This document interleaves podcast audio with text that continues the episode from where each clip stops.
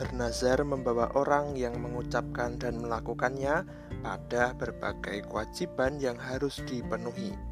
Kita telah melihat dan mengetahui nilai dalam kenaziran atau bernazar, yakni kekudusan, mengkhususkan diri bagi Tuhan Allah atas terkabulnya doa atau permohonannya, atau ketika sesuatu terjadi dan tercapai sesuai harapannya berbagai kewajiban kenasiran harus dipenuhi, dan itu adalah suatu upaya kesungguhan bagi orang yang bernazar. Termasuk di dalamnya apabila dalam proses bernazar itu ternyata ada hal-hal yang menajiskan dirinya dan membatalkan hari-hari bernazarnya. Ia tetap harus memberikan korban persembahan sebagai bagian dari proses kenasirannya, meskipun masa-masa bernazarnya batal karena sesuatu yang najis atau haram terkena padanya. Bilangan 6 ayat 10 sampai 13 dan ayat 21. Pada hari yang ke-8 haruslah ia membawa dua ekor burung tekukur atau dua ekor anak burung merpati kepada imam ke pintu kemah pertemuan maka haruslah imam mengolah yang seekor menjadi korban penghapus dosa dan yang lain menjadi korban bakaran dan mengadakan pendamaian bagi dia oleh karena dia telah berdosa dengan berada dekat mayat. Pada hari itu juga ia harus menguduskan kepalanya dan mengkhususkan waktu kenasirannya bagi Tuhan.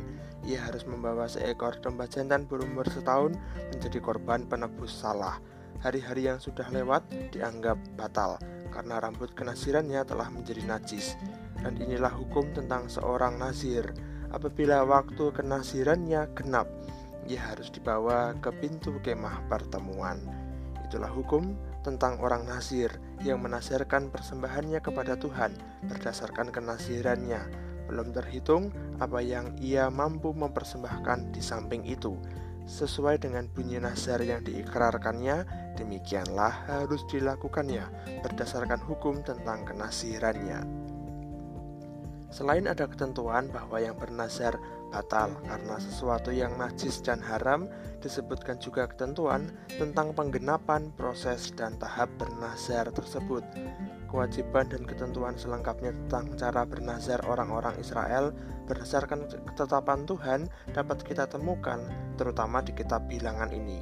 Meskipun berbeda praktiknya dari kekristenan, kita dapat belajar dari proses-proses ini yakni soal kesungguhan.